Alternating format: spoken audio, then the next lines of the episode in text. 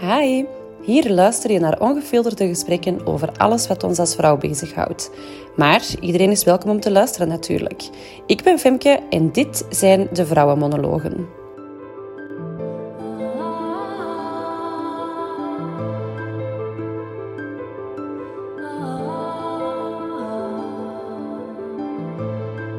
Vandaag zit ik hier met Ruud Poppe. Dat was vroeger een radiomadam en geluidstechnieker. En vandaag komt hij spreken over seks, want het onderwerp is een fokje relatie met seks. Ruud, welkom.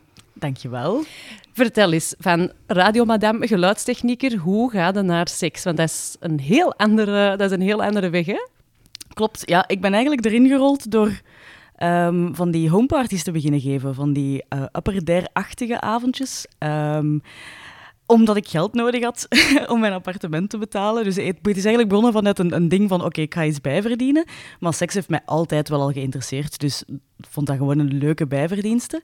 En ik ben daar steeds meer en meer in geïnteresseerd geraakt. En heel veel spijt gehad dat ik geen seksuologieopleiding gevolgd heb. Ik heb er nog over nagedacht, maar nog zes jaar bijstuderen vond ik misschien een beetje te. Dus ik ben gewoon met verschillende opleidingen begonnen, boeken beginnen lezen. Echt alles wat ik kon vinden over seksualiteit beginnen verslinden. En ik merk nu dat dat een mooi evenwicht is dus tegen de psychologen die eerder um, ja, meer de, de, psychologische, de trau traumakant en die dingen vaak gaan behandelen, waar dat ik eerder echt ja, seksperte of sekscoach ben en nu meer in praktijkgerichte dingen kan gaan begeleiden. Ja, wat doe jij zo op dagdagelijkse basis?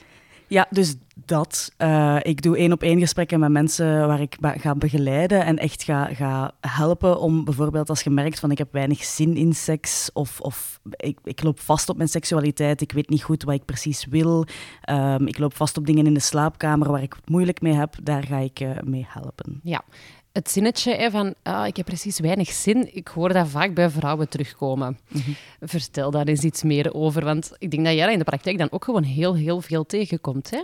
Ja, dat klopt. Heel, heel, heel veel.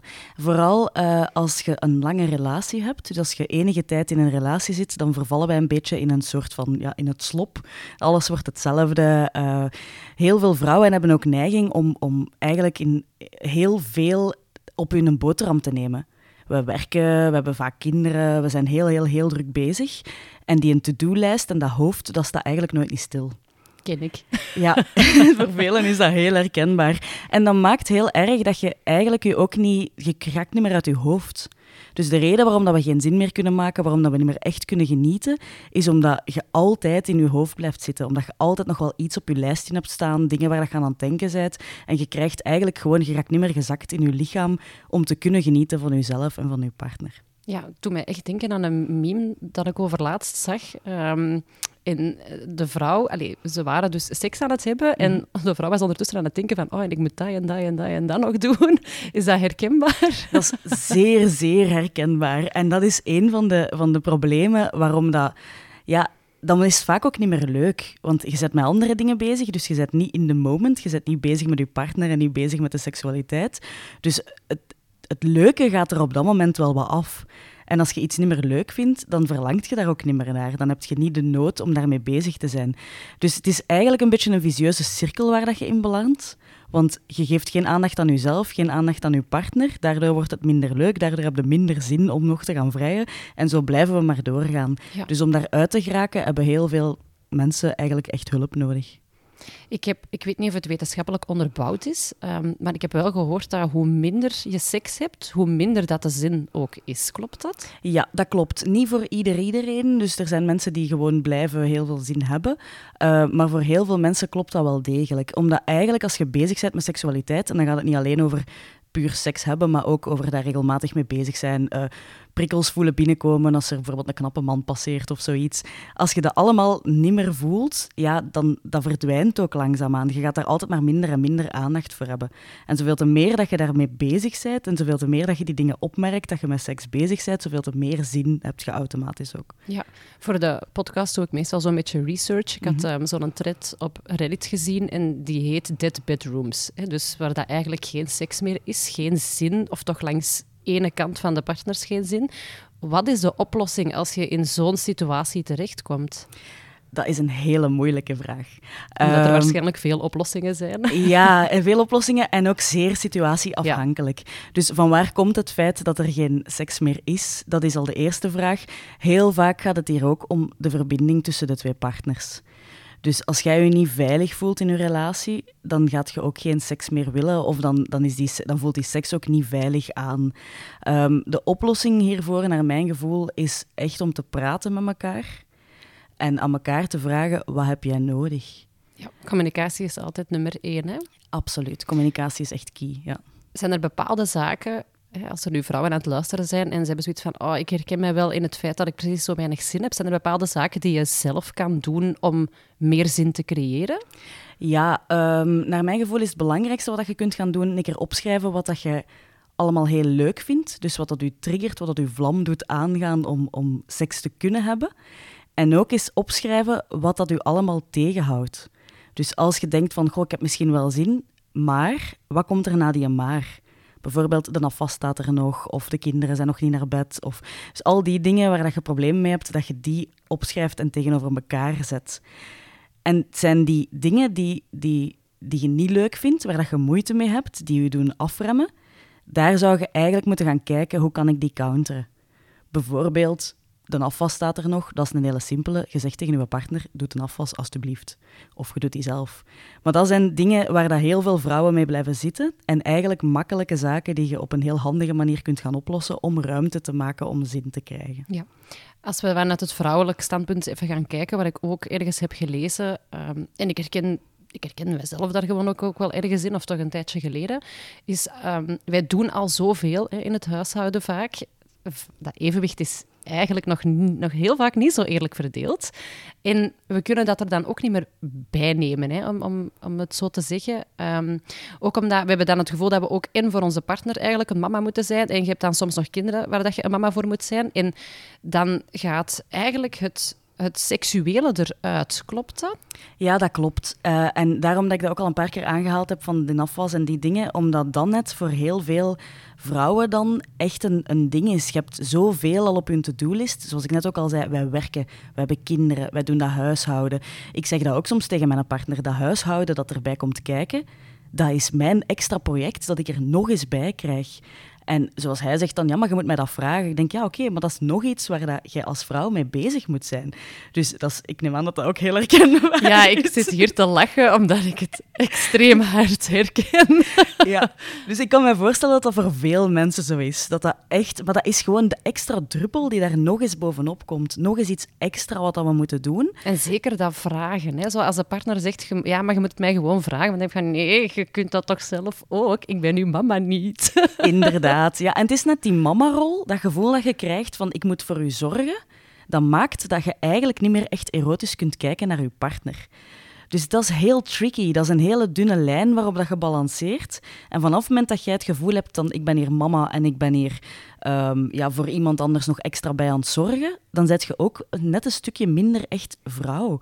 Dus je sensuele, je seksuele gevoel, dat trekt gewoon weg omdat je voor iemand aan het zorgen bent. Ja, ik denk dat heel veel vrouwen hier zich in gaan herkennen. Ik zelf ook, ehm, toch eh, een paar jaar geleden of een tijd geleden, inderdaad, zo dat zorgen en toch mama moeten zijn ergens, dan ja, de seks werd ook gewoon minder en zo bijna niet heel. Ik wist toen ook op dat moment niet welke oplossing dat er nog was. Buiten ja, communiceren. Ja, ja, dat is het. En daarnaast is het effectief echt duidelijk maken aan uw partner van dit zijn voor mij dooddoeners. Dus als dit gebeurt, als dat er allemaal nog staat, dan ga ik minder zin hebben in seks. De meeste partners hebben daar wel oren naar. Want als dat mannen zijn, die willen meestal wel graag seks. Maar als jij kunt zeggen van dit en dit en dit en dit heb ik echt nodig om ervoor te zorgen dat ik ruimte kan maken, heel vaak gaan ze daar dan iets beter rekening mee kunnen houden. Maar herhaling is in dit geval ook belangrijk. Je gaat het wel nog altijd af en toe moeten zeggen. Ja, toch moeten vragen. Ja, toch nog helaas. eens moeten vragen. toe. Ja. Ehm, een tijdje geleden las ik een artikel van jou. Hè. Mhm. Eh, vrouwen faken meer orgasmes omdat de seks niet lang genoeg is. Vertel. Ja, ehm, dat is de, de titel natuurlijk. Dus het is effectief zo dat er, dat, omdat de- we vrijen heel kort. Ehm, meestal, in de meeste gevallen denk ik dat effectief penis in vagina bijvoorbeeld, spreken ze maar over een paar minuten. Tegen dan is het vijf minuten, ja, tegen dan is het gedaan. Ehm, en het vrouwenlichaam heeft gewoon veel meer nodig dan dat. Het is ook wel belangrijk om erbij te zeggen dat de meeste vrouwen eigenlijk niet klaarkomen van gewoon puur penis in vagina stimulatie. De meeste vrouwen hebben clitoris stimulatie nodig. Dus als je dat erbij pakt, gaat het vaak al een pak beter. Uh, maar sowieso heeft die clitoris veel, veel, veel meer tijd nodig om te groeien, om volledig een erectie te krijgen. Want we krijgen ook een erectie als vrouw. Bij de man je kijkt daar bij wijze van spreken naar. Ja, je kunt er gewoon niet naast kijken. Nee, voilà. En het, het staat al recht. Ja. Maar bij een vrouw duurt dat echt veel langer. Ze spreken van 20 tot 40 minuten voordat wij echt volledig opgewarmd zijn tegen dan is het in de meeste gevallen gewoon al gedaan. Ja, als je zo kijkt naar de 10 minuten, of 5 minuten penis in vagina mm seks, ja, 20 à 40 minuten is wel een heel groot verschil. Hè? Het is een enorm groot verschil, het is waar. Nu, het gaat natuurlijk ook om de opwinding hè, in dat geval, dus duurt ons gewoon veel langer voordat wij mee zijn. En ik denk dat veel vrouwen faken, net om één, ze willen hun partner een plezier doen en zeggen van je hebt het goed gedaan, proficiat. En twee, ja, het is ook vaak een onzekerheid. Hè? Van ik kom maar niet klaar, het lukt me niet, het is ongemakkelijk.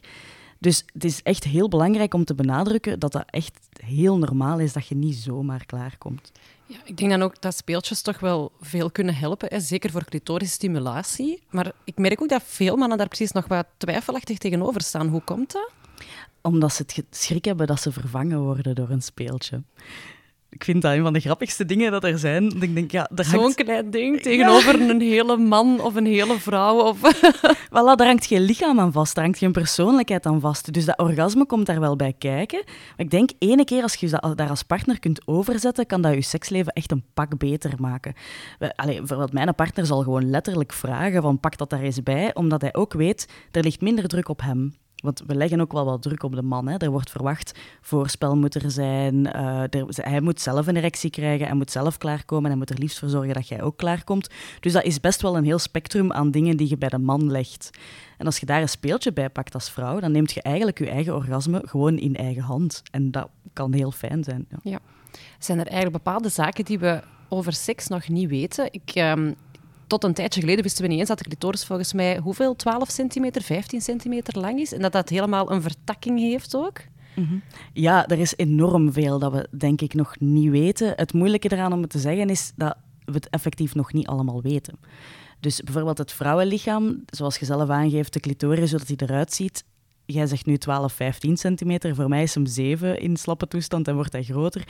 Er zijn zoveel theorieën en uitleg over. En eigenlijk weten we nog altijd niet 100% zeker wat dat er nu precies van waar is, wat dat ervan klopt. Ze zijn qua wetenschap gewoon zover nog niet. Neem de G-spot. Dat is nog altijd e- een zone waarvan wij denken van oei, bestaat dat wel? Oh, dat bestaat toch niet, de G-spot? Ja, er is iets wat je kunt stimuleren. Hoe dat je het wilt noemen, dat kiest je zelf. Maar er is wel een plekje daar wat dat je ook kunt gaan stimuleren. Ja, ik dacht dat de G-spot eigenlijk de clitoris was. Hè, want inderdaad, de clitoris zwelt op bij stimulatie of bij, uh, ja, bij het geil worden. Um, en dat um, de clitoris dus eigenlijk de G-spot was, maar dan naar de binnenzijde toe. Ja, dat klopt voor een deel. Wat er eigenlijk gebeurt is, je hebt uh, rond je urineleider ook een hoop uh, sponsachtig weefsel, noemen ze dat. Dat heet zo, omdat dat zichzelf echt kan doen opzwellen. De penis heeft bijvoorbeeld ook heel veel van dat soort weefsel en de, de, de prostaat is bijvoorbeeld ook zoiets. Dat vult zich met vocht en dat zwelt. En dan gaat de clitoris ook groeien, dus dat duwt eigenlijk alles tegen elkaar richting je vaginawand. En daar komt een zone die we de G-zone of de G-spot noemen. Maar, ik zei daar net al 20 tot 40 minuten. Als jij de G-spot gaat stimuleren, als je twee minuten bezig bent, vergeet het. Je hebt eigenlijk op dat moment nog niet eens iets wat je kunt gaan stimuleren. Dus je moet daar echt je tijd voor nemen. Ja, oké, oké. Ehm, zijn er nog andere zaken dat we nu nog maar pas beginnen weten of waar nog heel weinig informatie over is? Ik vind het ook wel gek dat het over de clitoris dan is dat we eigenlijk zo weinig weten. Dus er is eigenlijk ook te weinig onderzoek naar gedaan, een hele lange tijd. Dat klopt, maar dat komt natuurlijk vanuit het verleden. Dat eigenlijk, ja, bij de man hangt het allemaal langs de buitenkant, dus het is makkelijker zichtbaar. Maar als we gaan kijken naar waar de wetenschap zich voornamelijk op gebaseerd heeft, gaan we op alle vlakken terugvinden dat het mannenlichaam gewoon veel meer bestudeerd is dan het vrouwenlichaam. Pakt een auto, dat is ook gemaakt op het mannenlichaam. Er zijn weinig auto's die echt gedesigned zijn voor het lichaam van een vrouw. Business idee. Business idee, absoluut. Ik geloof dat er wel al een merk is dat ermee bezig is. Ze zijn ons voor. Um, maar ja, hetzelfde met, met de wetenschap op dat vlak. De, de vrouw is heel lang taboe geweest. Dus daar mocht niet aangeraakt worden, daar mocht niet naar gekeken worden, hoe dat, dat lichaam in elkaar zat. En het is pas sinds een aantal jaar dat ze daar echt fel mee bezig zijn. Maar daarnaast, ja, een penis die erect wordt of een penis die slap is, dat ziet je, dat hangt langs de buitenkant. Maar die clitoris, die zit bijna volledig in ons lichaam. En als ze bijvoorbeeld dat gaan onderzoeken op een lijk, ja, dat kan zich niet vullen met bloed, want dat zit binnenin en er is geen bloed meer dat stroomt. Dus ze hebben echt moeten wachten totdat ze dat konden onderzoeken via ja, de röntgenstralen en die dingen om te gaan kijken. echo, ja. om te zien wat dat er precies allemaal binnenin zit en wat dat ermee gebeurt als je opgewonden wordt. Ja. Gek eigenlijk? Gek, ja. Je moet je ook voorstellen dat mensen effectief dan moeten gaan masturberen in zo'n omgeving, om dan te gaan kijken wat er gebeurt met die clitoris inwendig. Dat is, dat dat is Ik vind, soms zit je zo met die reclames van hè, voor onderzoek en dan, hè, je krijgt dan 2500 euro. Ik denk dat er sommige mensen nog wel voor zo'n onderzoek zich zouden willen aanmelden. Dat zou nog een van de leukere onderzoeken zijn, denk ik. Inderdaad. Ehm, oké, Ruud, ik mhm. zie tegenwoordig, het kan ook wel een beetje aan de spiritualiteitshype liggen hè, op, eh, op sociale media, vaak zaken te, terugkomen over tantra. Wat is tantra? Ik ben zelf nog eens moeten gaan kijken, um, omdat ik daar... Dat is niet mijn wereld, dat is niet waar dat ik heel fel mee bezig ben, maar ik merk, net als dat jij nu zegt, dat ook ik word er steeds meer naartoe getrokken. Dus je vindt er steeds meer over en het idee erachter is eigenlijk wel heel mooi. Tantra gaat eigenlijk over een spirituele connectie die je maakt. Dus echt met je, met je, met eigen energie. En het gaat, wat ik daar straks al zei, we blijven heel erg hangen in ons hoofd. Tantra gaat om zakken in je lichaam om voelen in je lichaam, om, om ja, die energie die er door je lichaam stroomt, die levensenergie, om die aan te wakkeren. En zij doen dat eigenlijk aan de hand van aanraking, van, van dingen die je echt kunt voelen. Dus het gaat om, om de, ja, dingen die je, die je voelt binnenkomen in je leven. Dus de aanraking van je huid, maar ook de zon op je gezicht, de wind in je haar, al die dingen, daar zit energie in. En als je die energie kunt voelen, kunt aanvaarden, kunt tot u nemen, dan gaat heel uw levensenergie ook heel mooi gaan stromen. Oké, en hoe zien we dat dan in verhouding op vlak van seks? Hè? Want dit is natuurlijk, het is, voor sommige mensen is dat redelijk spiritueel of mystiek. Want tantra heeft natuurlijk wel te maken, er is een seksueel iets aan verbonden. Hè? Absoluut. Ja, het gaat eigenlijk over het feit dat je die levensenergie omzet in seksuele energie. Dus dat je leert om dingen te voelen. En allee, mijn basisding, als ik het over tantra wil hebben of wil niet te spiritueel maken, is eigenlijk sta gewoon stil bij die kleine dingen. Bij, zoals ik net zei, de zon op je gezicht en voel daar die energie en die seksualiteit, die sensualiteit die daar eigenlijk in zit die kunt je voelen, die kunt je meenemen. En dat in connectie met iemand anders en met je eigen lichaam, daar gaat het eigenlijk om. Maar dat zijn kleine dingen die je gewoon zelf al kunt gaan doen. Het gaat om de aardsheid, om het hier zijn. Dat bijvoorbeeld, we zitten hier aan een tafel, als je die tafel aanraakt, en je kunt dat op verschillende manieren doen. Je kunt dat volledig onbewust je hand op die tafel leggen, maar je kunt ook heel verfijnd eigenlijk gaan voelen hoe voelt dat materiaal? Wat voel ik in mijn vingers als dat gebeurt? En dat is een heel andere manier van omgaan met de wereld. En dat, gaat, dat kan niet anders dan sensueel en seksueel worden eigenlijk. Ja, want ik kan me voorstellen dat je dan ook heel erg bij elkaar gaat voelen. Hè? Of, uh, of net niet. Of... Ja, het idee natuurlijk als je gaat over seksualiteit is voor mij altijd, je kunt dat op jezelf en alleen voelen, maar uiteraard is de connectie die je maakt met iemand anders net een van de mooie dingen van onze seksualiteit. En als je daar op de juiste manier kunt gaan voelen en kunt gaan aarden met elkaar, dat geeft een heel ander niveau van verbinding met elkaar dan dat je gewoon... Allez, veel mensen hebben heel oppervlakkige seks met hun partner. Hè. Er wordt gevreden, maar er is, er is geen echte connectie. En tantra gaat net om die energiestromen samen te kunnen krijgen in één geheel. Ja. Wat bedoel je juist met er is geen connectie? Kan je daar een specifiek voorbeeld van geven? Uh, ja, er zijn heel veel mensen die eigenlijk op het moment dat ze seks hebben echt bezig zijn met zichzelf, met hun eigen genot, met, met um, ja, het, streven naar een orgasme, om het zo te zeggen. En dat is net iets waar dat, als je echt wilt gaan genieten van je seksualiteit, is de connectie die je hebt met je partner, de diepgang die je kunt maken, net een van de mooie dingen. En dat is, als we het daar straks al hadden over zin, bijvoorbeeld een van de dingen die gebeurt als je lange tijd samen bent, het wordt een gewoonte en vaak is de connectie eigenlijk weg tussen elkaar. Dus dan gaat het alleen nog puur om het lichamelijke en nimmer zozeer om het volledig samensmelten en samen zijn. Gebeurt dat dan wel meer in het begin? Hè? Want om, om het nu zo plastisch uit te drukken, um, in het begin heb je zo'n beetje seks gelijk konijnen. Hè? Zo drie keer per dag en overal. En...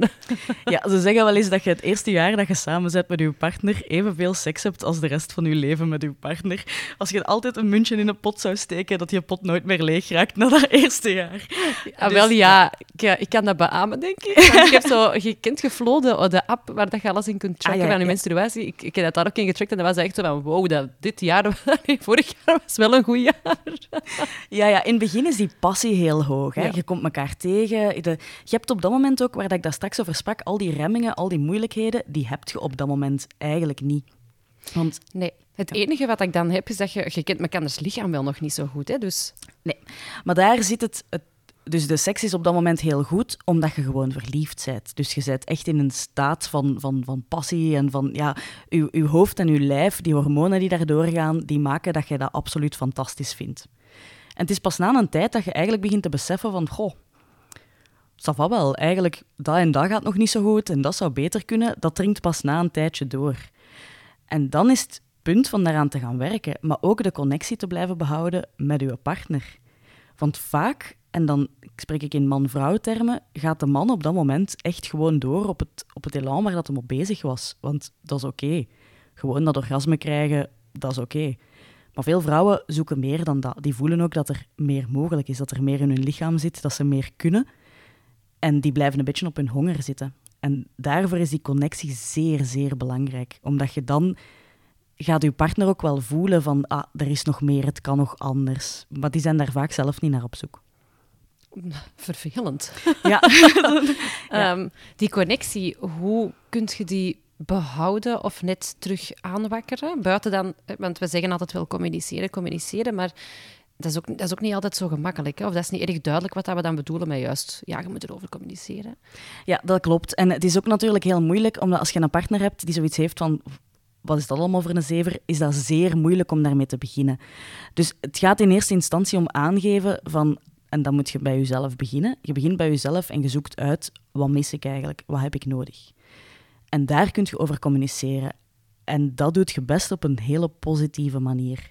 Dus val je partner niet aan en zeg niet, ik wil dit en je geeft mij dan niet, want dan kan die niet anders dan defensief reageren. Het is echt het idee dat je gaat vragen van, ja, ik, ik zou graag dat hebben, wilt je dat eens met mij proberen?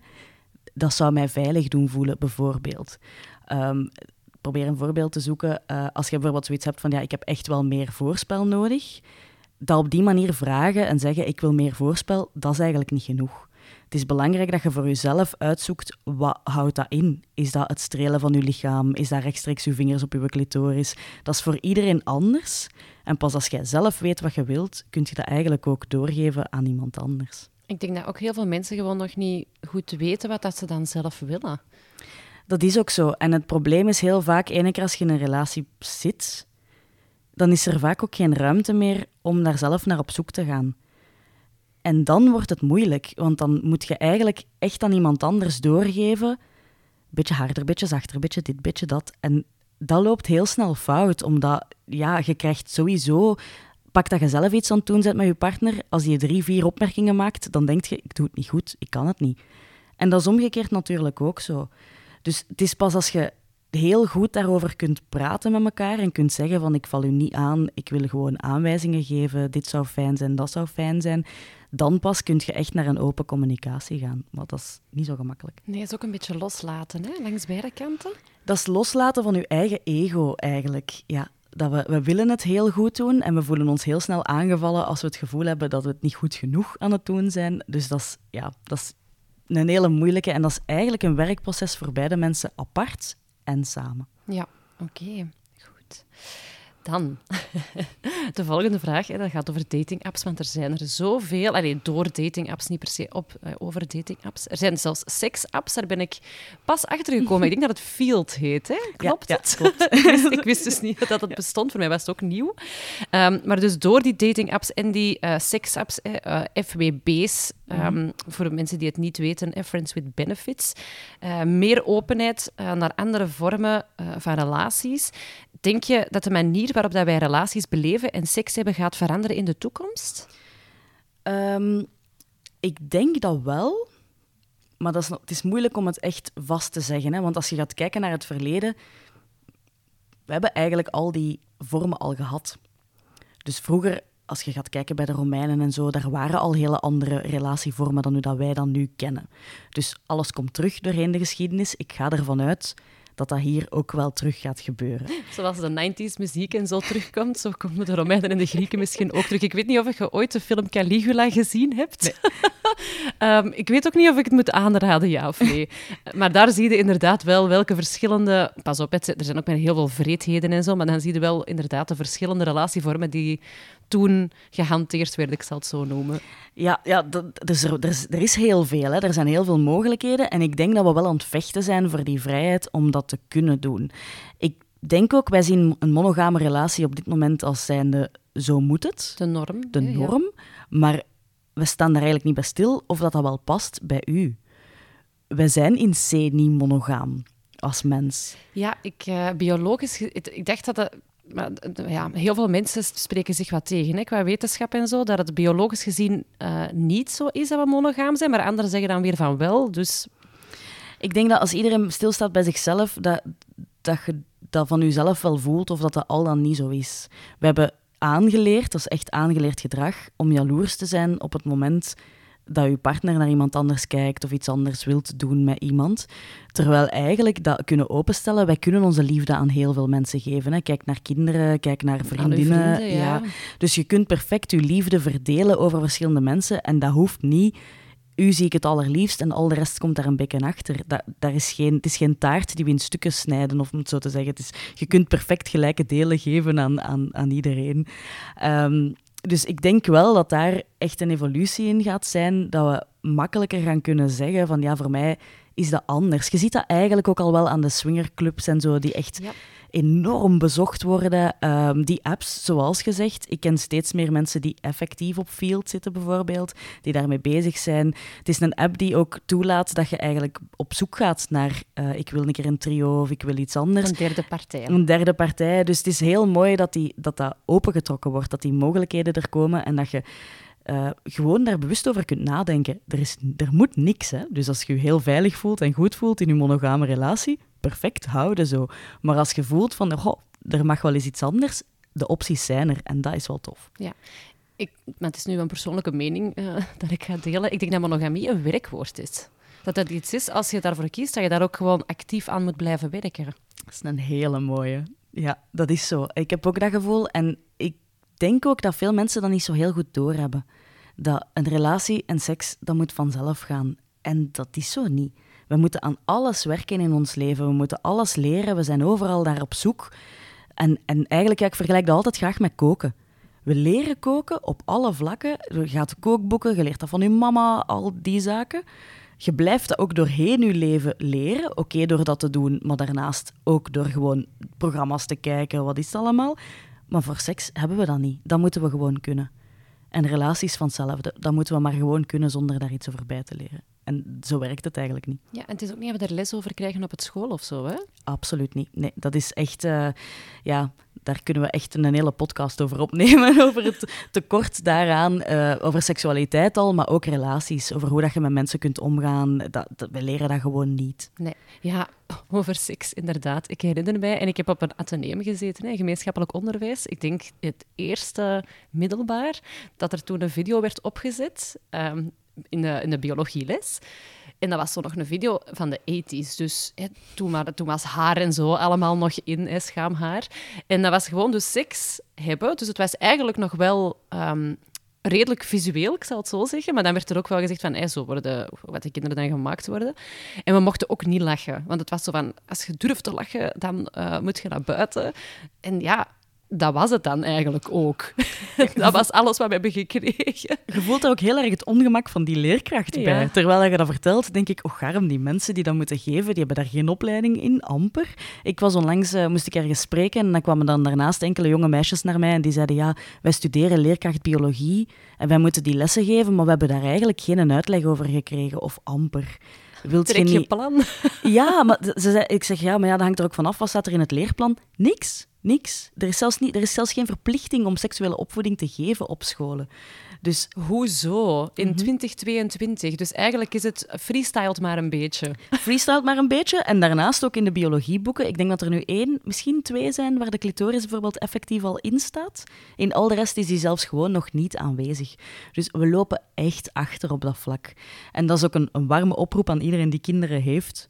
Geef zelf educatie aan uw kinderen, alstublieft. Ze kunnen er alleen maar baat bij hebben in de rest van hun leven. Ja, absoluut. Ik bedoel, mijn eerste middelbaar is 20 jaar geleden. En we zijn dus eigenlijk nog niet verder. Nee, we zijn absoluut nog niet verder. Er wordt wel aan gewerkt. Er zijn initiatieven, maar dat gaat zo traag. Ook omdat daar geen, daar zit geen overheidssteun of daar zit geen, geen algemene steun van een land achter. Dus dat zijn allemaal kleine initiatieven die los van elkaar aan het proberen zijn om daar iets van te maken. Ja, en anders was dat vroeger, denk ik zo, ja, dan ga je maar naar het jak.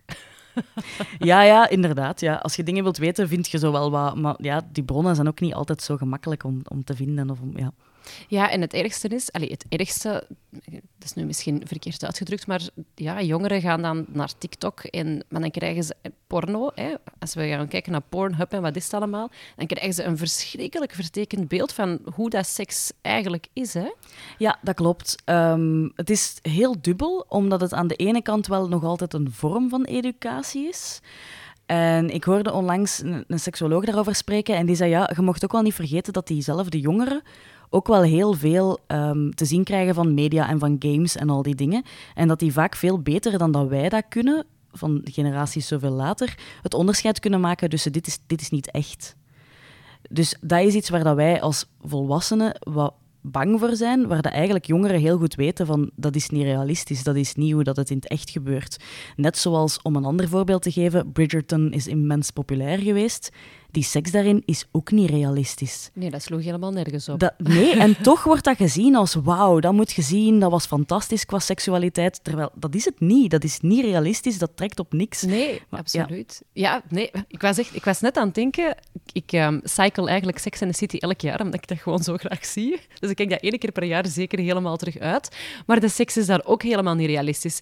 De man raakt nog maar de vrouw aan en daar wordt een kreun, er komt een kreun uit dat ik denk van, dit, maar dit kan niet. Je, je- allee, van gewoon een aanraking gaat er niet klaarkomen, toch niet naar mijn weten.